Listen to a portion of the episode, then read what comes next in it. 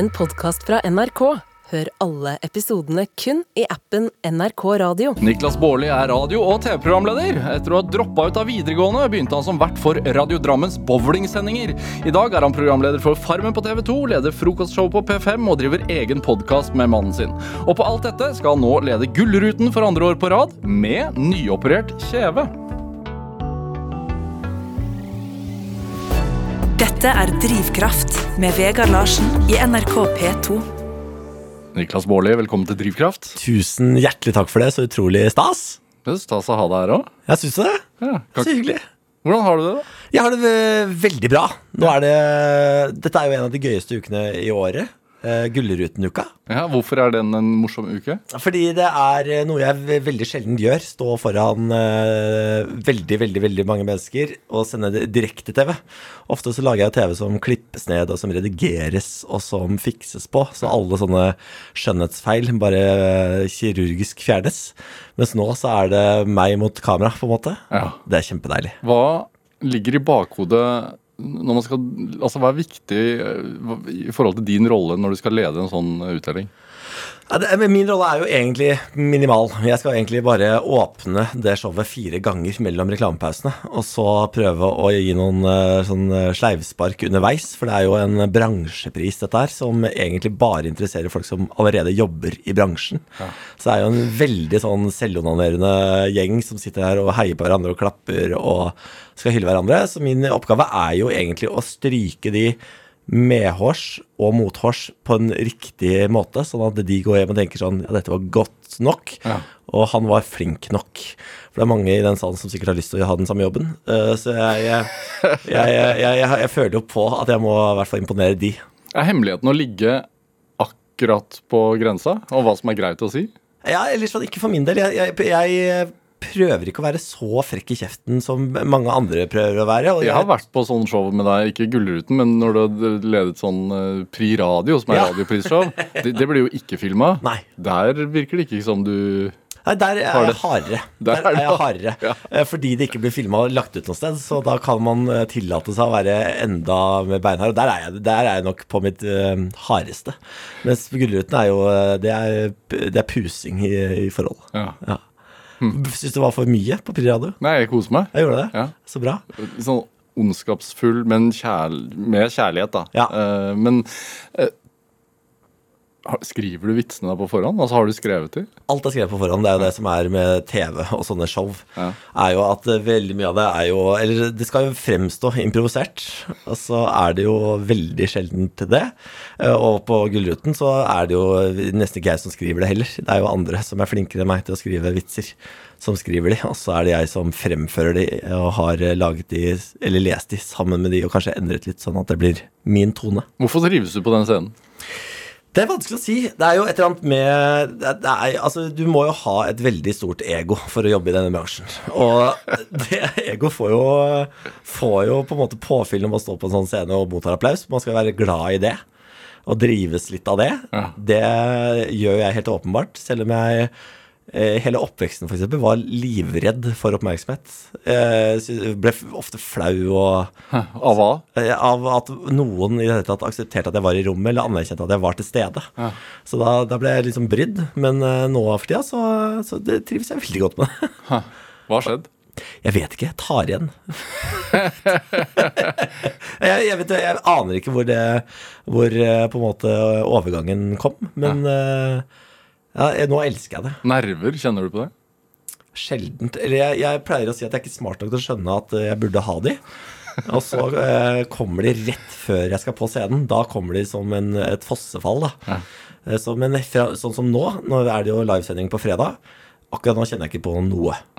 Eh, Og det kommer jeg ikke til å gjøre i morgen. Jeg kommer heller ikke til å gjøre det på torsdag. Men fredag, rett før sceneteppet går opp, da kommer jeg til å være et aspløv. Har du noe Altså fordi du setter deg i situasjoner eh, som gjør at nerver kan være en faktor. Ja. Eh, ganske ofte.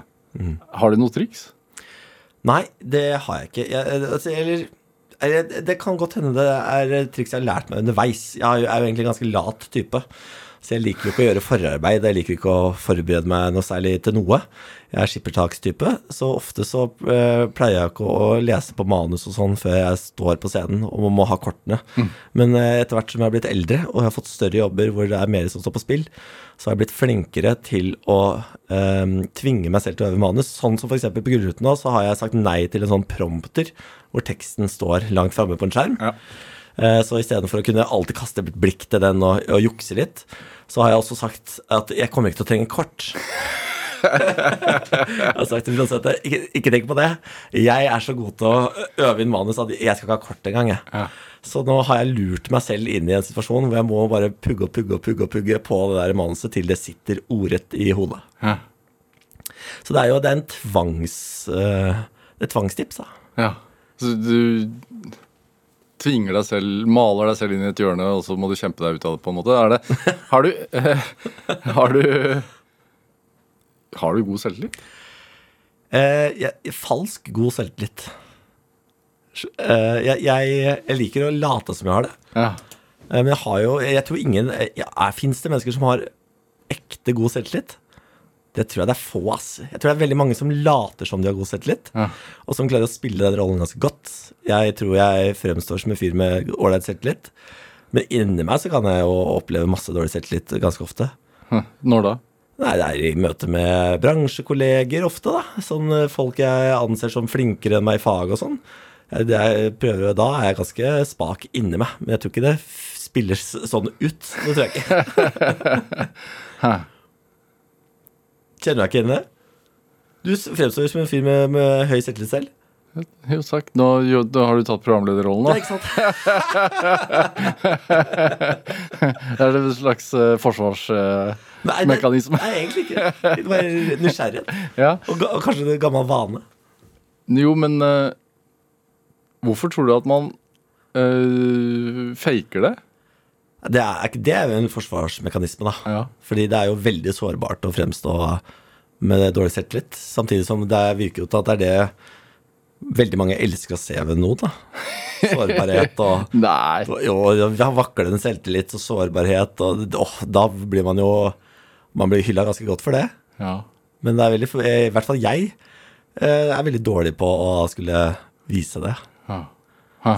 Så jeg tror jeg hadde hatt godt av det innimellom. Herregud, jeg har jo gått på noen selvtillitssmeller eh, i offentligheten mange ganger, jeg.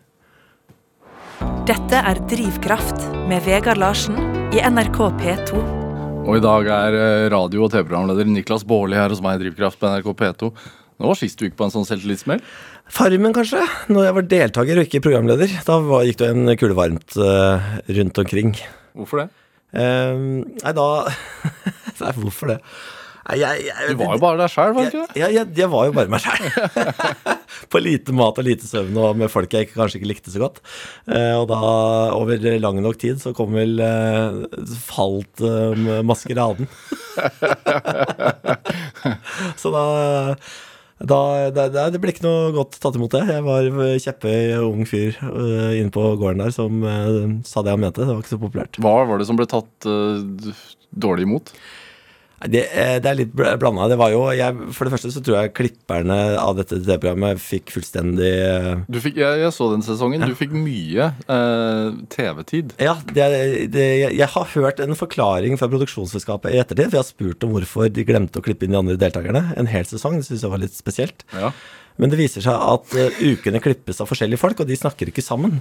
Så hvis klipperne i den ene uka liker deg, så klipper de deg mye inn. Og hvis du da også likes da av de andre ukene, eller forteller historien de trenger å få fortelle, så blir det mye deg på skjerm. Hvis det er noen som kanskje ikke gjør en like god jobb i, i eh, disse intervjusituasjonene. Mm, når man er med på et sånt uh, reality-konsept som det er, og, og sitter jo og blir intervjua mange, altså timevis, Ja. Er det hvor, sku, hvor skummelt er det i ettertid? altså Som du sier, når det har vært gjennom klippen, sitter man og gruer seg litt? Nei, jeg eh, Godtroende som jeg var, gjorde ikke det. Jeg satt og gleda meg. jeg tenkte sånn, Når jeg kom ut av Farmen, så tenkte jeg sånn Der, der Niklas, der var du god. Nå er det bare å glede seg til dette som skal på skjerm, for dette kommer folk til å elske. Ja. Så tenkte jeg. Eh, og gikk egentlig et halvt år og bare gleda meg til det skulle komme på TV. Eh, fordi tidligere så har det jo gått eh, veldig bra. altså sånn 71 grader nord som jeg har vært med på, det kom jeg veldig godt ut av igjen. Og det er den samme fyren som var på tur langs Norge, som var inne på den gården. Så det er, det er vanskelig å vite hvordan eh, det oppfattes i ettertid. Mm. og helt åpenbart, siden jeg var helt overbevist om at dette hadde jeg naila. Men hvordan reagerte du på at eh, enkelte publikummere eh, opplevde det som Opplevde deg som en problematisk figur, da? Nei, det var, det var ikke noe gøy, det. Nei. Jeg husker jeg, jeg syns det var eh, Det starta med at jeg eh, tok avstand fra det og tenkte sånn Hva faen, hva vet folk? Det, Hva sa folk? Nei, folk var jo veldig stygge. eh, fordi eh, det er jo Eller sånn Kommentarfeltfolket var stygge. Og så er det et eller annet med godt voksne damer som har eh, veldig trang for å si meninga si når de møter deg på gata. Uh, og, det, og, og mener at de har full rett til det, da. Fordi de har tross alt sett deg på TV, og de har en mening om det du sa og gjorde der inne. Hva Så- kunne det gå på? Nei, det var jo altså, det var at eh, de, Veldig mange gamle damer hadde et behov for å fortelle meg at jeg var ufyselig som menneske. Så eksempel når jeg gikk og handla på butikken, og sånn, så gikk det ei kule varmt i grønnsaksdisken med gamle damer som uh, ropte ting og sånn. Så det, det var ubehagelig. Eh, og så var kommentarfeltet en periode ubehagelig. uh, men så lærer man seg etter å ikke gå inn i de kommentarfeltene. Men er det en del av pakka, eller Ja, det det. tenker du at det er, ikke skal være sånn? Nei, altså det burde jo ikke være sånn, men det er en del av pakka, og det vet man jo når man sier ja til å være med på disse tingene, og når man oppsøker dette livet. Så det, man får bare stå prøve, så stødig som man kan i det, og så kan man tøffe seg og si at man ikke blir påvirka, og at det ikke gjør noe med deg, og at det ikke endrer måten du tenker på i framtida. Mm. Har det endra deg? 100% Jeg går inn i andre Eller jeg går inn i TV-roller og programmer på en helt annen måte nå. Jeg er livredd for at det plutselig skal stå på forsiden av VG seks uker igjen. Det er, er ganske slitsomt. Hvor, hvorfor oppsøke det, da? Det er jo en blanding av ting. I min bransje så er det jo eh, oppmerksomhet og kjennskap som gjør at du får mulighet til å gjøre større oppgaver. Ja. Så for å få lov til å lede Gullruten og Farmen og sånn, så måtte jeg gjennom noen eh, hindre. Og et av de hindrene er 71 grader nord og Camp Culinaris og uh, Firestjerners middag. Alle disse tingene her er jo med på å øke kjennskapen av meg som profil. Ja. Så jo mer kjent jeg er, jo større eh, programposter får jeg på TV 2. Ja. Det er på en måte regnestykket. Hvor strategisk har du vært? Veldig. Har du det? Ja, siden jeg var eh, eh, 17, så begynte jeg å skrive ned strategiske mål for neste punkt på karrierestigen. Hvordan jeg, hvor jeg ville, og hvordan jeg skulle komme meg dit. Ja. Så jeg har vært ganske sånn uh, 17 år og da på Moss videregående, eller hva? Nei, Hvor? da, nei, 17 år, da satt jeg vel Da hadde jeg vel akkurat droppa ut av videregående, tror jeg. Og så satt jeg hjemme og lagde nettradio for uh, kompiser, liksom. Og og da var Fortell. ja, da, da jeg var yngre, så bestemte Da var jeg 13, så bestemte jeg meg for at radio det var det jeg skulle drive med. Hvorfor det? Gudene vet. Jeg, jeg tror det var, jeg hadde sett Sone eller MP3-TV på TV, som var sånn TV-sendt radioprogram. Ja. Og så syntes jeg det så så fantastisk ut å kunne stå i et radiostudio, dra opp en mikrofon og underholde folk. Og så kunne du ikke si noe tilbake. Det virka helt magisk. Det var enveistale, på en måte. Ja. Og det fanga meg så, så hardt at jeg eh, de neste ukene bygde et hjemmestudio hjemme på gutterommet. Og begynte å sende radio for eh, kompiser på skolen. Og etter hvert så jeg tror jeg Som, du, som på tape, eller? Nei, live, ja. Ja. Direkte. Og så etter hvert så tror jeg jeg hadde Hvor noen... fant man det? Det fant du på internett, da. Ja. Så, eh, så linken ble liksom spredt på MSN-grupper og sånn, for de som husker det. Eh, og på et tidspunkt så hadde jeg vel en 400-500 lyttere sånn samtidig. Hva handlet det om? Det var, jeg vet da, jeg hadde vel en evne til å underholde, da. Jo, men altså, en, en, en, en sending, hvor lenge varte den? Den kunne vare eh, alt fra en halvtime til fem timer. Det var litt på dagsformen. Om, ja, fortell, en, en, en, Det var etterligna bare radio man allerede hadde hørt. ja, med musikk? Ja, ja, eller? jeg spilte Ja. mye Bee Gees, husker jeg. Så det er helt merkelig, fordi jeg er altfor ung til å ha noe forhold til Bee Gees, egentlig. Ja. Men uh, jeg spilte musikken jeg hadde hørt at de spilte på P4, for det var- den kanalen vi hørte på hjemme. Ja. Uh, Så jeg, jeg spilte den musikken, og så etterligna jeg de litt. Og så lagde jeg noen tulletelefoner, og så holdt vi på, liksom. Hadde du noen radio, altså noen programlederforbilder som du prøvde å Jeg husker ikke ved navn, men, jeg, men eh, Hva har PP4? P4 Altså, Ja. vi har, jeg kommer fra et hjem som elsket P4. Julemusikken vi hørte på, det var P4-programledere som sang julelåter. ja, så jeg har vokst opp med at Bjørn Forlund synger julemusikken din, på en måte. Men hva kunne et sånt program handle om, da? Nei, det, det handlet ikke om eh, så mye. Det, var, det er litt som den radioen jeg lager i dag. Det handler om det, det jeg leser i avisa, det handler om det jeg mener, og det jeg eh, oppfatter sjøl. Ja. Det er bare e- eget viss. Hva sa klassekameratene? De, eh, de likte det jo åpenbart, for de satt og hørte på det. Så det, det fungerte, det. Og det var jo et eller annet med det at man så at man klarte å fange først 10 mennesker, så 20 mennesker, så 30 mennesker, så til slutt 400-500 mennesker. der. Hva het programmet? Det, eh, det, kanalen het Nordic Radio. Ja. Ja.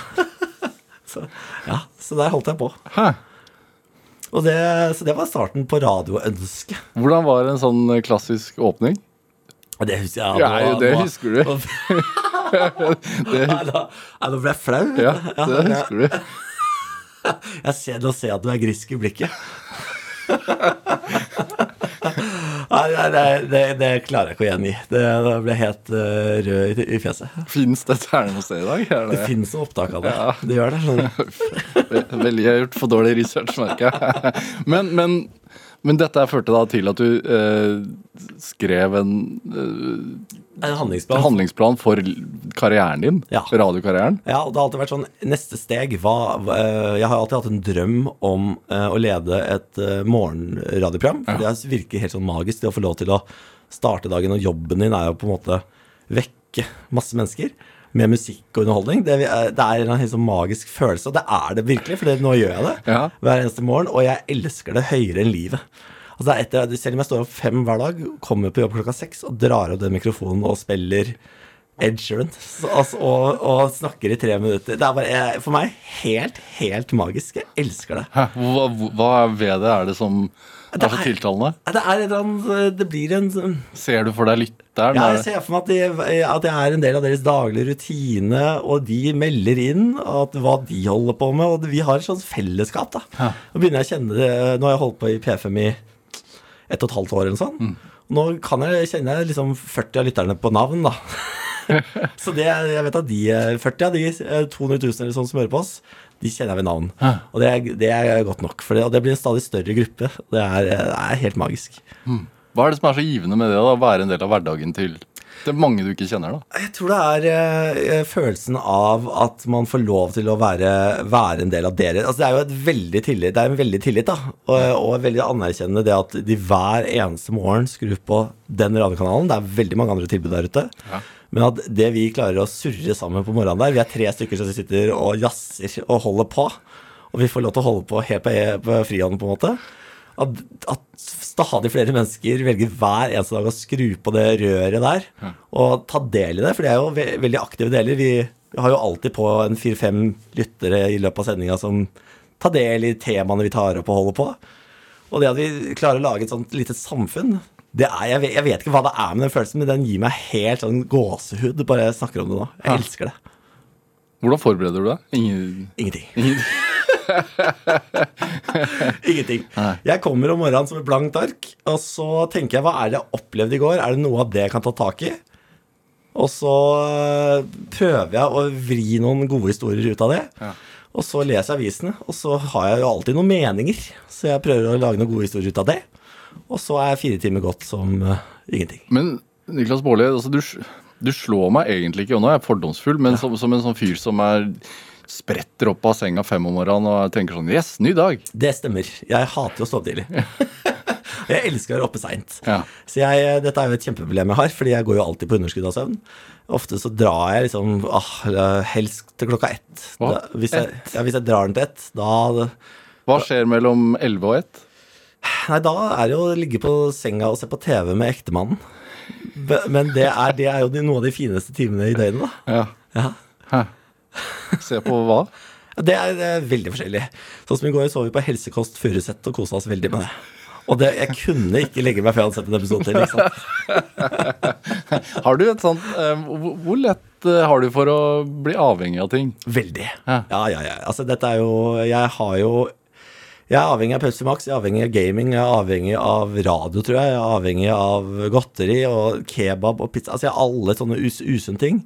Elsker det. Ja. Det beste jeg vet. Jeg har jo ingen selvkontroll. Og jeg, ingen, jeg evner ikke å si nei til fristelser. Hva tenker du om de som er skeptiske til det? da? Som sier nei, nei, ikke for mye. Ja, det er jo med ektemannen min. Han er det motsatte. Han, dette er jo det vi krangler mest om i livet. For han er jo På, på ekte. på ekte, ja. ja. Han er verdens beste til å holde igjen. Sier nei. Og han kan utsette belønning i ukevis. Og han er sånn som fyller opp godteskapet og gleder seg til å ta en bit av uh, potetgullposen på fredag. Og han, innen fredag kommet, så har jeg spist opp potetgullposen hans.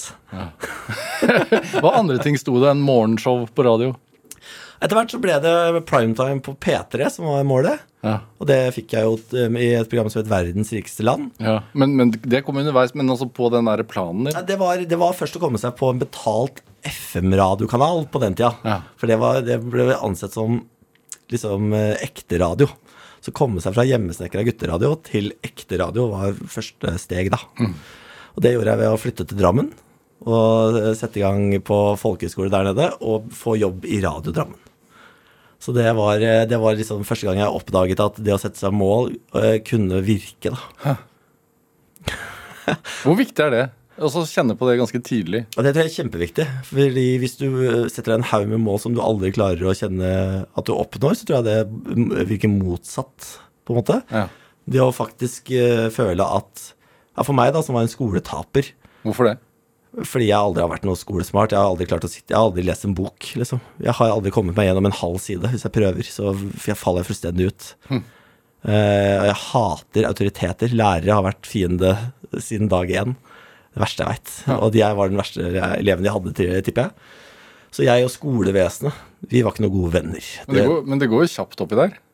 Ja, men det går for kjapt, kanskje. Ja. Eller sånn, jeg, jeg er kanskje mer praktisk anlagt enn eh, enn- Altså, skolen er jo lagd for andre mennesketyper enn meg. Og ofte jenter, liksom. Deres tankesett og deres måte å lære på. Det er jo sånn den norske skolen er lagt opp eh, etter. Det er derfor det er så mange gutter som faller utafor. Og jeg var eh, en klassisk sånn, da. Og så viser det seg at radio var min ting, og ikke snekring av, av hus eller mekking av bil. For det kunne like gjerne vært det. Men det, det var det ikke for meg. Um, ja, så nå, ikke sant, nå falt jeg av min egen tråd her. Hvor er det jeg var? Der vi jo på å sette seg mål. Ja. Så det, jo, så det, siden jeg, jeg, jeg som skoletaper eh, ikke kjente på noe mestring der, så når jeg endelig kjente på mestring på det å oppnå et mål som jeg hadde selv satt, og som ingen andre hadde satt for meg, det var helt ma Det var en helt magisk opplevelse. For det viste at eh, selv om eh, man alltid fikk to eller én på prøvene, eh, så gikk det an å lykkes på andre arenaer i livet. Ja. Så det var digg. Var det, er det Det å alltid få to og én på prøvene, hvordan er det? Det er forferdelig, fordi kompisene dine og de du måler deg mot, de får jo ikke det. Så du føler deg alltid som taperen i den gjengen du eh, Med de de sammenligner deg med, da. Det er jo en sånn evig følelse av å eh, være dårligst, liksom. Hæ. Som er, helt, som er veldig, veldig vond, da. Ja. Og den varer over mange år. Hæ. Kan, kan du kjenne på det ennå?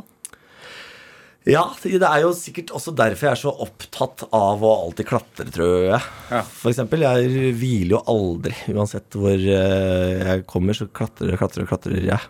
Og veldig opptatt av å kjenne på stadig nye mål og karrierestiger og Ja. ja. Hva kunne skolen gjort annerledes, da? Jeg tror de kunne lagt opp eh, læringsløpet til å være langt mer praktisk. Kanskje se elevene litt tidligere og prøve å dele inn, på en måte. Det er kanskje ikke alle som må sitte og lære alle disse bøkene, og som må ha fem i norsk og nynorsk og matte. Kanskje, man, kanskje noen bare tidlig skal inn på realfag, da. Hva, hva i deg var det som gjorde at du knytta nevene, skal jeg si? Altså at du fant din greie, tror du, og, og jobba mot det? Fordi man, Hvis man får den følelsen gang på gang på gang, og får det slaget i trynet gang på gang, så kan man jo bare tenke sånn Ja, jeg får ikke til noen ting, jeg. Ja, det var litt det, det, den veien det holdt på å gå også. Jeg hadde jo um, en periode i livet som var litt sånn turbulent, hvor uh, jeg, jeg har mista to brødre i oppveksten. En av sykdom, eller to av sykdom. En av muskelsvinn og en av overdose. Eh, og når eh, nummer to døde, så har hadde jeg altså en veldig sånn røff periode i livet hvor det var da jeg hoppa videregående. og Jeg hadde på en måte ikke oppnådd noen mål ennå. Eh, og det var da jeg oppdaget folkehøyskole, som samsvarte med det jeg syntes var gøy, nemlig radio. Så det at jeg kom meg på folkehøyskole som hadde en radiolinje, og samtidig oppnådde å få jobb i Radio Drammen samtidig altså dette, Alt dette skjedde samtidig. Det tror jeg er den eneste grunnen til at jeg på en måte ikke også ligger i en rennestein i dag. Fordi det var, det var Jeg var eh, innom glattcelle fordi jeg hadde brytet meg inn i en bil, og det var ganske Texas der en periode. Så det er, det er veldig mange tilfeldigheter i livet òg, ikke sant.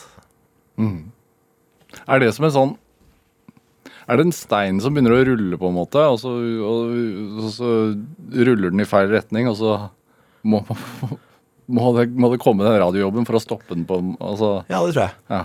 Jeg tror det, det er et eller annet med når, når alt går til helvete, så er det veldig deilig å bare la det fortsette å skli ordentlig ut. Ja. Fordi det er veldig lett å skylde på at det har gått dårlig så langt. Hvorfor skal jeg ikke bare la det fortsette å gå ræva? Og det er jo ingen som på en måte Systemet er ikke der for meg. Jeg har ingenting å stille opp med i systemet, fordi det, det har jeg fått bevist gang på gang på gang. på gang. Så det er, eh, den steinen ruller ganske fort, og så er det ganske deilig å rulle med den. Fordi det, du slipper jo alt ansvar òg, ikke sant. Hva, Følte du på noe bunnpunkt altså, hvor du tenkte sånn Nei, nå Ja, det var da jeg satt på den glattcella. da var jeg ganske lavt nede. Da, jeg, da hadde jeg akkurat blitt lagt i jern oppå en eh, politibil på vei hjem fra en fest med bikkja mi. En svær golden retriever som het Lady. Ja. Jeg og bikkja gikk på vei hjemover, og så fant jeg en Lamborghini langs veien. Så tenkte jeg sånn, den Lamborghinien, den skal jeg sitte i. Full som en dupp. Så går jeg bort og tar i døra på Lamborghinien, og den er åpen. Så tenker jeg jøss, ja, da kan jeg sette meg inn i denne bilen. Så jeg setter meg inn i Lamborghinien, sitter der en stund. Uh, Gudene veit hvorfor, eller hva jeg dreiv med inni der. Og så går jeg ut av den og tusler videre hjemover. Ja. Plutselig så kommer det to politibiler med blålys på, foran og bak. Kaster meg i bakken, på med håndjern, rett på glattcella. Ja, Fordi de tenkte at du prøvde å stjele den? Ja, for da hadde de fått tips om at det var innbrudd i bilen. da. Ja. Eh, og da husker jeg de, de lot meg ligge på en glattcelle hele natta, mens de liksom gikk inn og ut og trua meg med at jeg måtte overnatte tre døgn i Sarpsborg eller Fredrikstad fordi Moss fengsel skulle stenge, og det var kjørte ganske hardt for å få meg til å innrømme hva jeg hadde gjort. da. Men akkurat der var jeg sta som faen, så jeg nekta det, da. så til slutt så, De hadde jo ikke noe bevis annet enn den telefonen, så til slutt så slapp de meg ut på morgenen der. Og så gikk jeg tusle hjem til mora mi. Ja. Helt til nå, si. Ja, helt til nå, ja. ja det er vel foreldelsesfrist på sånne ting, Er det? Jeg vet ikke. Hvordan er det å ligge på glattcelle? Du, det er eh, Det er kaldt. Den er eh, Det er det er eh, fem kvadratmeter med bevis på at du er i ferd med å fucke opp livet ditt. Hvor det er bare mur oppe nede på siden, og det er en tynn madrass og en eh, politimann som kommer hver, hver andre time og bare eh, ser på deg med avsky, fordi du er bare enda en av de der folka de har plukka opp. Og du kjenner bare på en sånn total fortapelse. At nå der, det var der det skjedde. Nå gikk det gærent, liksom. Fram til nå så har jeg i hvert fall klart å holde meg unna politiet og glattcella. Men dette ble beviset på at nå klarte jeg å fucke det opp ordentlig, da. Mm. Hva var det som gjorde at du skrudde til da og gikk andre veien? Det er at jeg dro hjem til mora mi den natta, og istedenfor å på en måte øh, gjøre, meg arveløs og kaste meg på gata, så sa hun sånn Nå skal du ut av denne byen. Og den natta søkte vi sammen på folkehøyskole. Og dagen etter så ble jeg tatt inn. Wow. Ja, så det er øh, all ære til min mor. Hæ. Nå fikk jeg litt frysninger, jeg, Bolli. Gjorde det? Ja. ja. Det har mora mi fortjent. Hva heter moren din? Mona Johansen. Ja. Bra jobba, Mona. Ja, er det ikke det? Jo, det er det. Absolutt. Eh, Niklas Baarli, vi skal spille litt musikk. Ja. Du har med en Enrique Iglesias-sang. Passer det den historien her? Ja, det passer Er det første gang Enrique Iglesias har blitt spilt på P2? Nei, i hvert fall i Drivkraft. Ja. Det er jeg glad for det. Du vet hva, Kan vi spille låta først, og så kan jeg fortelle historien etterpå? Ja, la oss gjøre det. Ja.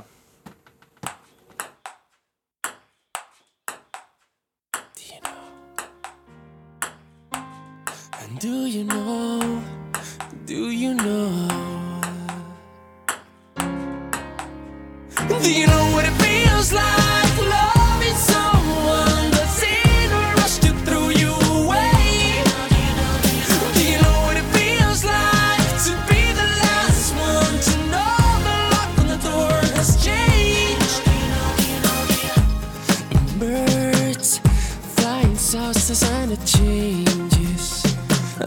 You can predict this every year. Love, you never know the minute and suddenly I can't get her to speak. Maybe find you all the things it took to save us. I could fix the pain that bleeds inside of me. Look in your eyes, don't say the same about me. I'm standing on the edge and I don't know what else to give. Do you know what it feels like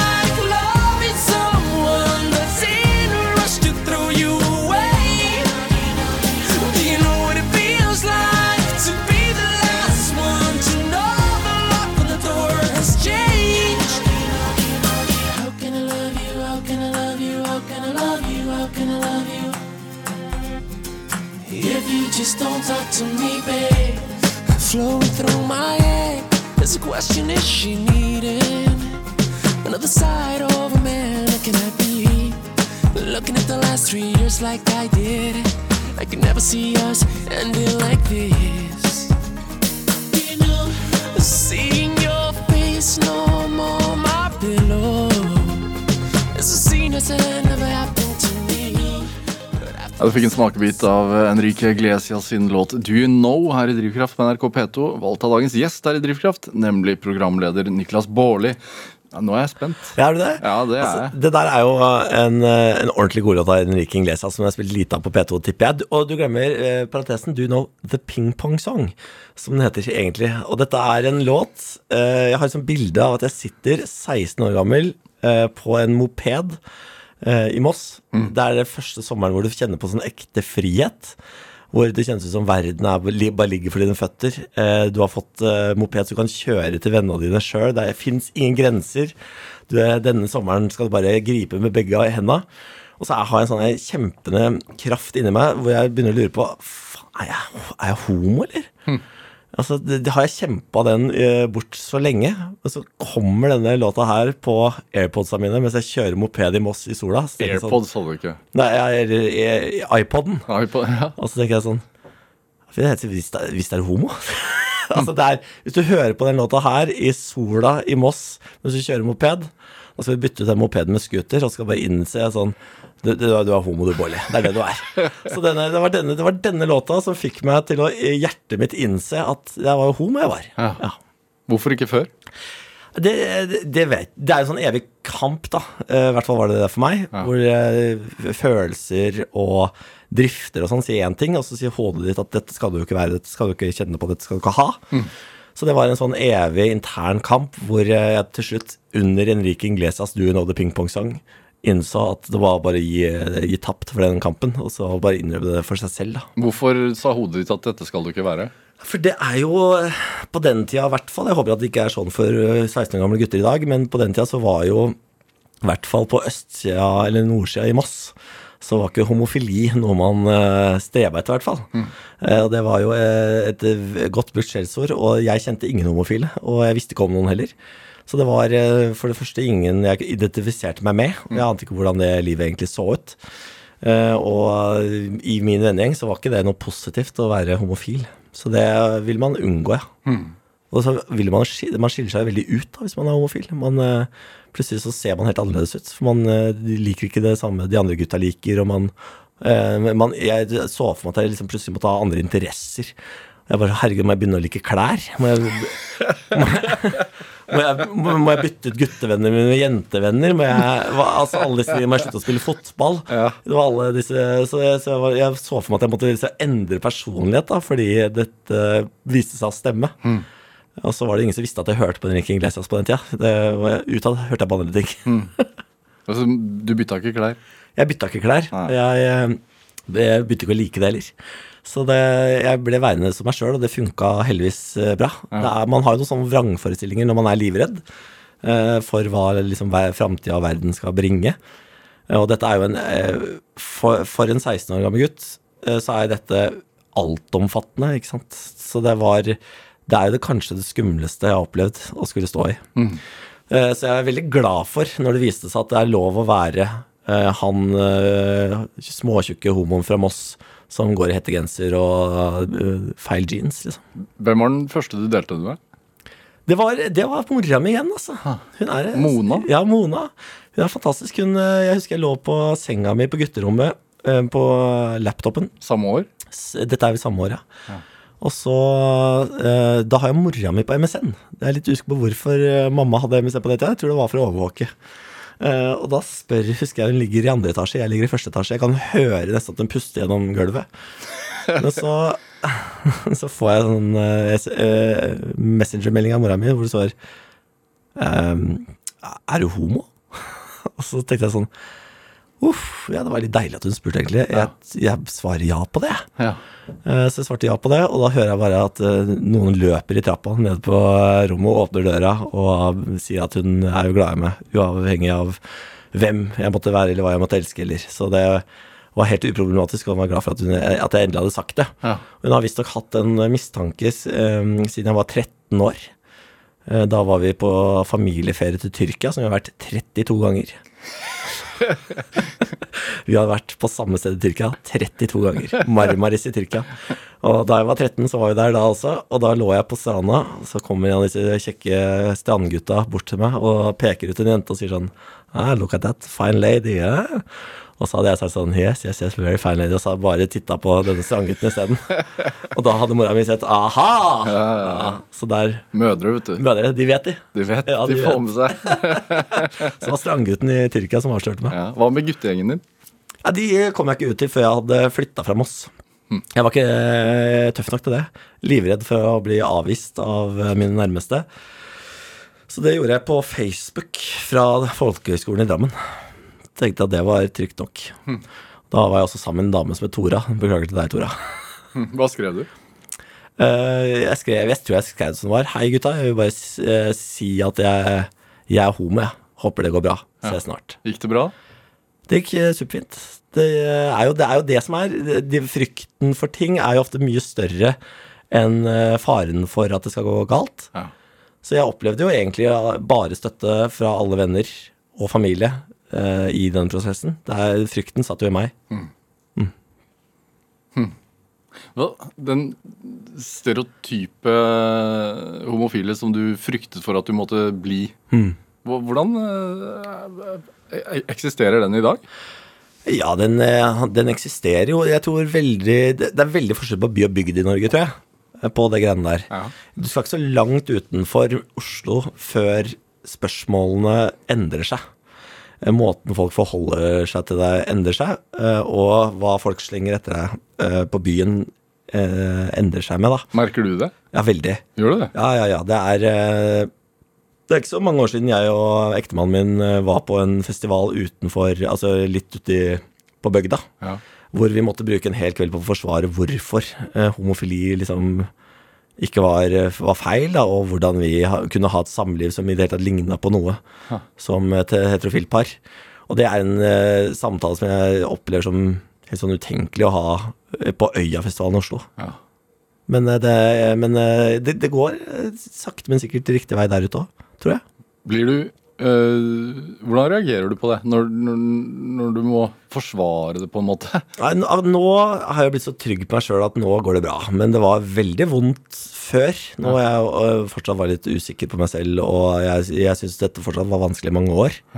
Så det å skulle forsvare noe du egentlig ikke Du kan jo ikke forklare hvorfor det har blitt sånn. Du har jo på en måte ikke fasiten. Så er, øh, det er, du forklarer jo noe du ikke helt forstår sjøl. Ja. Det er jo bare sånn det er skrudd sammen, på en måte. Men mm, er det irriterende, eller er det mest slitsomt? Altså, Nei, det er dritirriterende. Altså, jeg mener folk har jo litt ansvar for egenopplæring òg, har du ikke det? Det er jo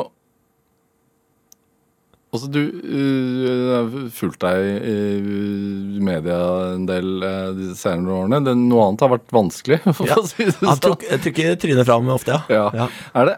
Jeg føler du har du, fronter en sånn uh, kose-meg-livsstil. Ja. Eh, også en godt voksen mann som sier 'jeg kan game 11 timer i strekk'. Ja. Eh, Ja. hva Hvorfor er det hvorfor, altså, Bør vi kose oss mer? Bør vi liksom omfavne den biten? Ja. Da, her er det forskjell på meg, eh, eh, eh, min eh, Hvor mye jeg koser meg, og hva som er, er på en måte den, det logiske valget, tror jeg. Jeg koser meg for mye. Jeg burde kose meg mindre, eh, og jeg burde ta bedre valg i livet. Det er, det er så enkelt er det, fordi jeg, jeg, jeg, Det har, gått, det har gått bra til nå. Jo da, men det er sånn, det handler om helse og sånn. Altså Jeg koser meg jo langt over på en måte det helsemessige forsvarlige. Så hvis jeg har lyst til å bli gammel og grå, eh, og kanskje har helsa i behold til jeg er eh, 85, da, Ja. så må jeg begynne å ta noen andre valg. Jeg kan ikke eh, leve sånn, eh, sånn som jeg gjør nå. Jeg må begynne å roe litt ned. Så, det, så det, det skal jeg gjøre. Men jeg tror veldig mange andre har godt av å kose seg litt mer. Veldig mange er jo veldig opptatt av å være på treningssenteret fem dager i uka, spise sunt, følge trender og holde på. Jeg tror det er eh, dritkjedelig liv, da. Det ser så kjedelig ut. Jeg har jo Ektemannen min holder jo på sånn, han er på trening sju dager i uka. Ja. Og spiser bare kjøtt Nei, kylling og ris, liksom. Mens jeg koser meg og mesker meg. Altså, og mellom oss to så finnes fasiten, da. Ja. Men jeg, eh, vi har blitt yin og yang på det greiene her. Jeg prøver å dra han over til meg, og han prøver å dra meg ned til seg. Den der Filippine-hendelsen Ja. Filippinene eh, brakk ryggen. Ja. Var, var det en helsevekker? ja, eller den ga meg i hvert fall masse sånn eh, angst i ettertid. Hva skjedde?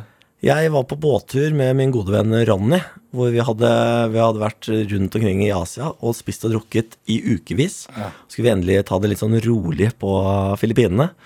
Så vi skulle ta kulen litt ned, så vi hadde leid oss en båt hvor vi hadde satt oss helt foran og skulle drikke et par øl mens vi kjørte rundt på øyene og skulle bade og kose oss en hel dag.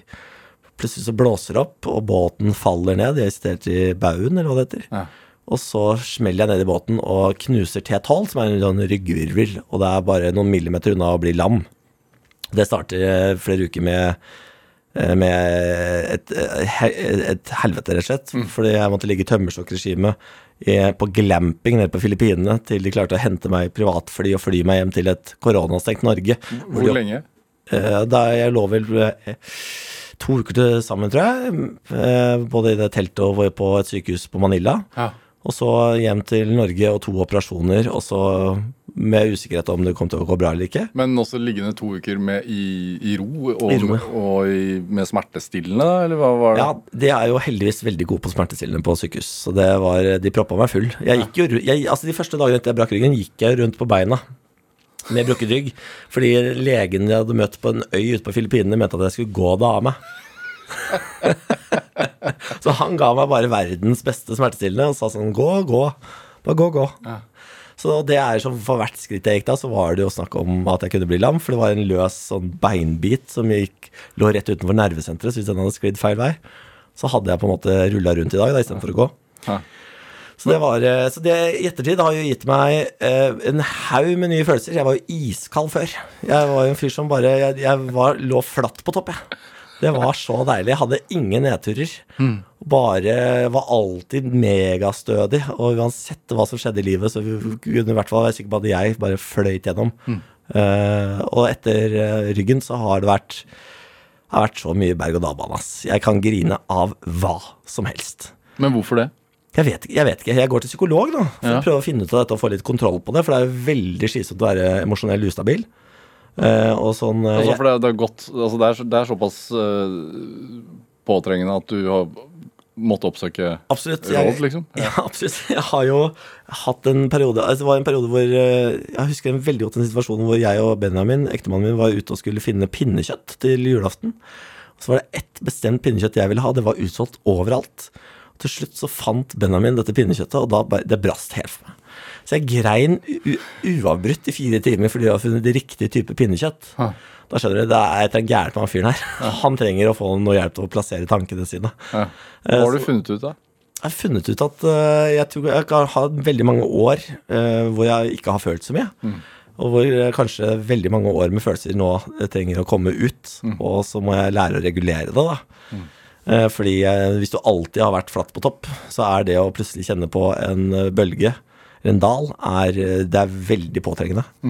Så det, jeg må bare lære meg hvordan, eh, at det er greit, for det første, å bli lei seg, men eh, hvordan jeg på en måte ikke blir endeløs, bunnløs lei meg, da. Ja, For den flatt på toppen, den ville kanskje møtt en knekk uansett, si. Ja, Det er det psykologen sier. Jeg er jo helt uenig i det. Jeg mener at folk som sier at du må ha dalene for å kjenne på toppene, de har aldri vært evig på topp. For det er den beste måten å leve på. Men den livsinnstillingen eh, Du nevnte jo så vidt at du, du har mista begge brødrene dine. Eh, og du, du har snakket om at faren din har vært kreftsyk. Ja, tre ganger. Uh, er det Gjør det noe med sånn livs...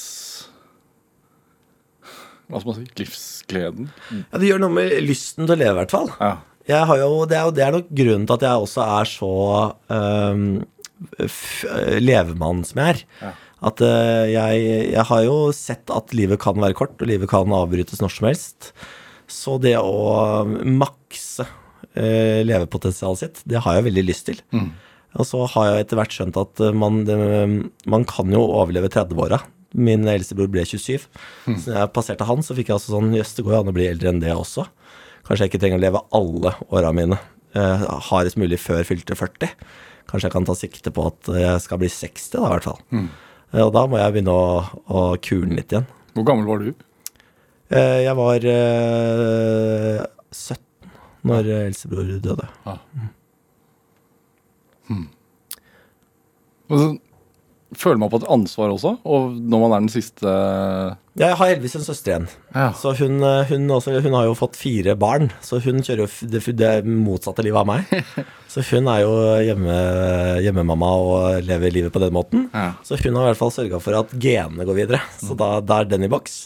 Så da har vel jeg ansvaret for å leve for eh, de to brødrene og meg, da. Det er, tre unge gutteliv det, som skal eh, leves. Men tenker du på det? Ja, innimellom gjør jeg det. Det var jo spesielt sistemann var jo en fyr som var veldig glad i livet. Som eh, levde det litt sånn på maks, sånn som jeg holder på. Og det har jeg jo lyst til å eh, leve litt for han òg, Mm. Barn, da? Ja, dette er jo et evig spørsmål. Det er jo Hadde vi kunnet få barn ved samleie, Ja. så hadde vi nok hatt allerede.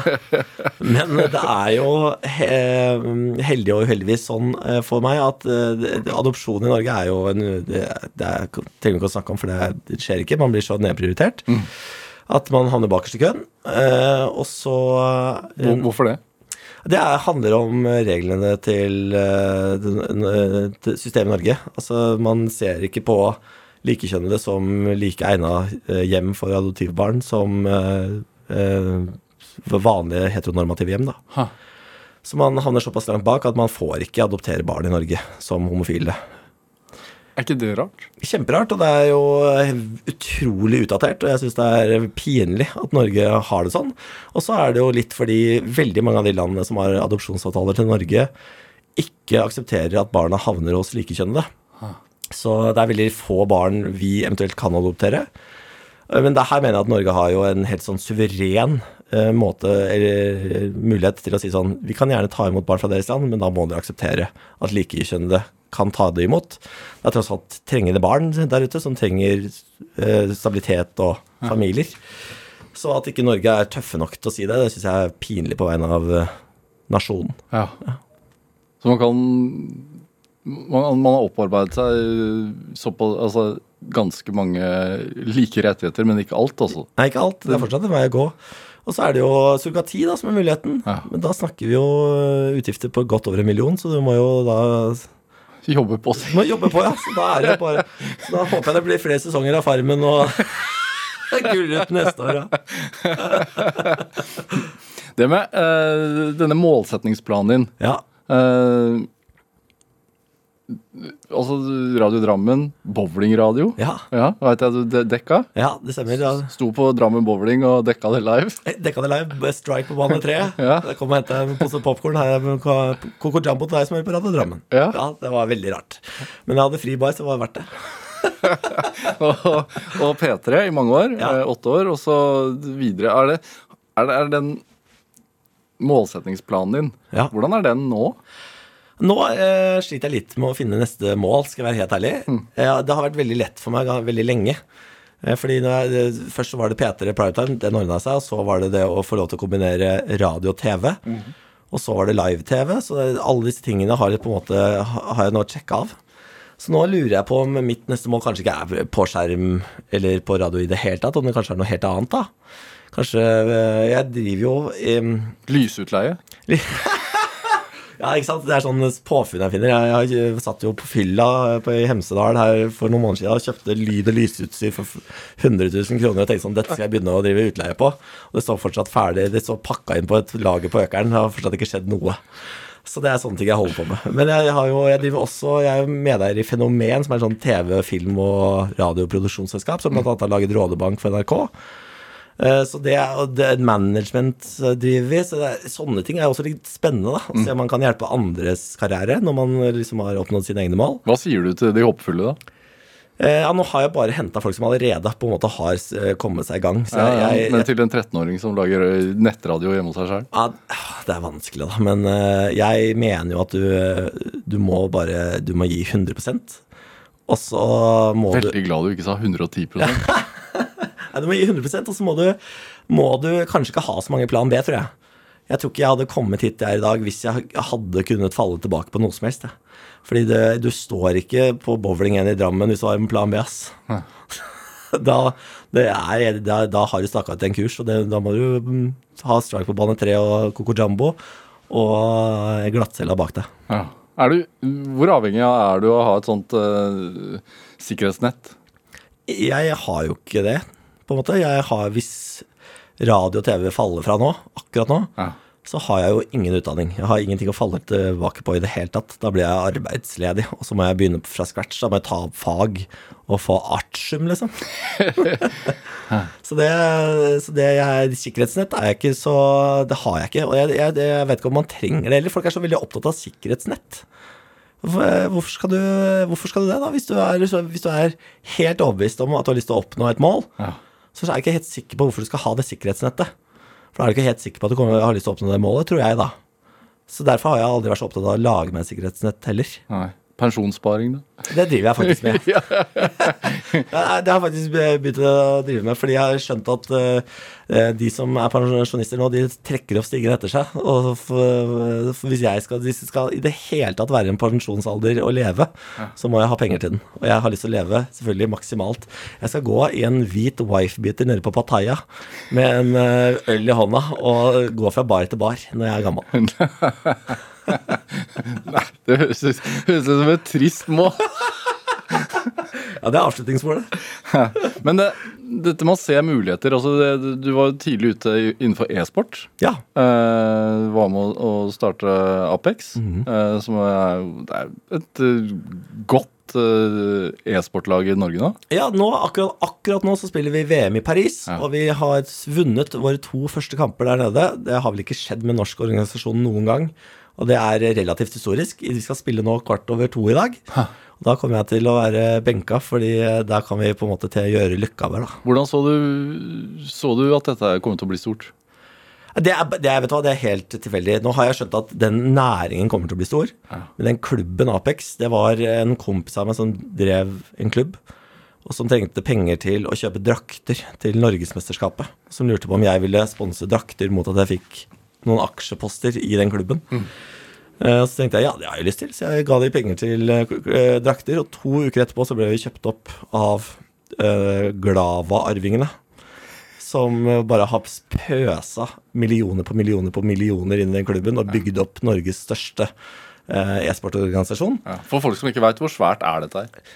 Du, eh, Altså, det er jo en av verdens største industrier. Vi snakker jo om eh, en industri på størrelse med liksom amerikansk fotball. og altså, vi, er, vi, er, vi er på høyde med det. Vi er Sluttspillet i dette VM jeg snakker om nå, foregår i Paris med jeg tror det er 20 000 solgte billetter inni den salen. Jeg, jeg skal sitte der sjøl, og heie. Gleder meg til. Så det er, vi snakker en svær, svær idrett. Altså, de kidsa i dag kommer jo ikke til å ha Northug og sånn som helter. De kommer til å ha e-sportutøvere. Så det er vi det, Se for deg Rosenborg, bare at det er dataspillere. da. Ja. Og, det, og man trenger ikke være eh, flau for å være 34 år og ha gaming room. Det syns jeg ikke. Jeg syns du skal være stolt av det. Ja. Hvordan ser ditt ut? Mitt har eh, Det er jo stadig oppgradert. Det er, nå, nå, men nå, nå begynner jeg å bli flau sjøl, for nå begynner det å bli LED-lys og sånn. Nå må jeg Nå må noen bremse meg. Noen må bremse meg. Men nå har vi jeg fått kjeft, fordi vi har jo bare ett gjesterom eh, i huset. Og det er nå fylt opp av gaming-PC og LED-lys Ja. og et vinskap. Og, vinskap. Eh, Ja. og, det er, det er, og begge de tingene er mine interesser. Mens Benjamin, som er glad i å trene, kan ikke trene på gjesterommet uansett. Så det, det, men jeg, jeg, jeg, jeg må nok gi fra meg noe av det snart. Så du, det er en topp fredagskveld for deg er liksom en flaske Burgund og CS? Yes! Og kanskje en boks med noe eh, størkaviar. Ja. Hva heter du? Counter-Strike? er Det er det du Counter-Strike, spiller? ja. Ja. Så man, hvor man flyr rundt og man skyter hverandre. Ja. Ja. Hva heter du? Eh, jeg ja, dette er, så, det er vanskelig å forklare. Nei, det er jeg heter Mister Berit. Det, jeg vet ikke hvorfor. Det er det som er problemet. Ja, det er, jeg tror jeg ville ha et kallenavn som gjorde at folk ble forvirra. Og det følger deg. Ja, det følger meg. Ja. Hvor god er du? Jeg er helt eh, Jeg er eh, bedre enn de fleste, dårligere enn de gode. Ja, ærlig, ærlig nok. Eh, Niklas Baarli, hva, hva, hva er drivkraften din i dag? Å få gjøre mest mulig gøye ting og leve komfortabelt. Så det er vel uh, penger, og sånn at jeg kan gjøre det jeg vil når jeg vil. Det har jeg utrolig lyst til. Og så sier jeg drivkraften å få lov til å gjøre de gøyeste tingene. Veldig få som når jeg spør hva som er drivkraften, svarer penger, men du er ærlig på det. Ja, men jeg tror de fleste har jo det som en av drivkraftene. Hvis ikke så hadde de ikke jobba så mange timer i døgnet som man gjør. Nei. Og det, penger er jo ikke eh, Penger er jo muligheter. Så det er jo mulighetene som er drivkraften, og så er pengene på en måte virkemidlet for å få de. Hva med å forandre verden? Å ja, nei, eh, jeg er veldig egoistisk, jeg. Det er det andre som får gjøre.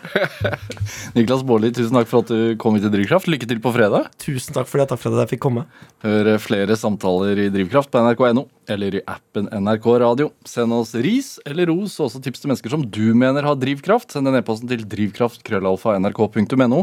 Vi hører veldig gjerne fra deg. Produsent i dag det var Kjartan Aarsand, mens Jonas Skotner bidro med research til denne sendinga. Men dette, dette var Drivkraft. Jeg heter Vegard Larsen. Vi høres. Du har hørt en podkast fra NRK.